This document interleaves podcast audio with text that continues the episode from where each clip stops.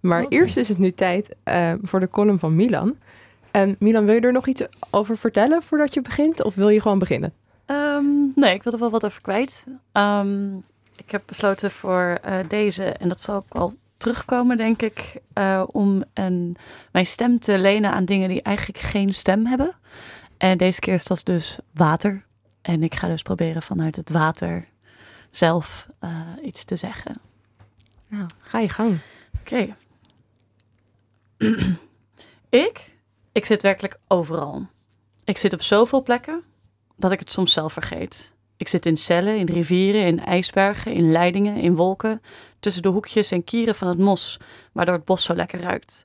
En zelfs tussen de vezels van het behang in een slecht geïsoleerd mensenhuis. Maar ik zit vooral ook veel in mengsels, soepen, sauzen, bier, limo, verf, poep, plas, klei, slip, met zout, zonder zout, in heksenbrouwsels, met algen, met cyanobacteriën, ja, noem maar. Ja, en door die mengsels krijg ik allerlei andere eigenschappen. Je vindt mij stinkend, zuur, zout, basisch, aromatisch, fris, roze, knalgeel, gifgroen, diepbruin en wit. Ja, eigenlijk alle, alle, alle kleuren van de regenboog.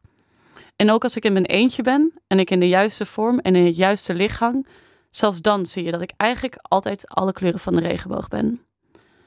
Soms ben ik stromend en soms stagneer ik. Maar ja, kabbelen, dat is misschien wel mijn favoriet. Beetje de toeristische route nemen door het landschap. Voelt als vakantie. Al is als torenhoge golven tegen de rotswand slaan toch ook zo bevredigend. Oh, lekker stoeien met de aarde. Even de oerkracht weer voelen. Wild word ik daarvan. Als een huiskat die opeens het instinct deelt dat hij deelt met zijn grotere neven op. En de gordijnen er opeens extra lekker uitzien. Ja, het is fijn om water te zijn. Je bent belangrijk, dat weet je. Dat zie je. Soms wordt het ook erkend. Bijvoorbeeld wanneer planten weer zo vurig groeien nadat je een tijdje weg was.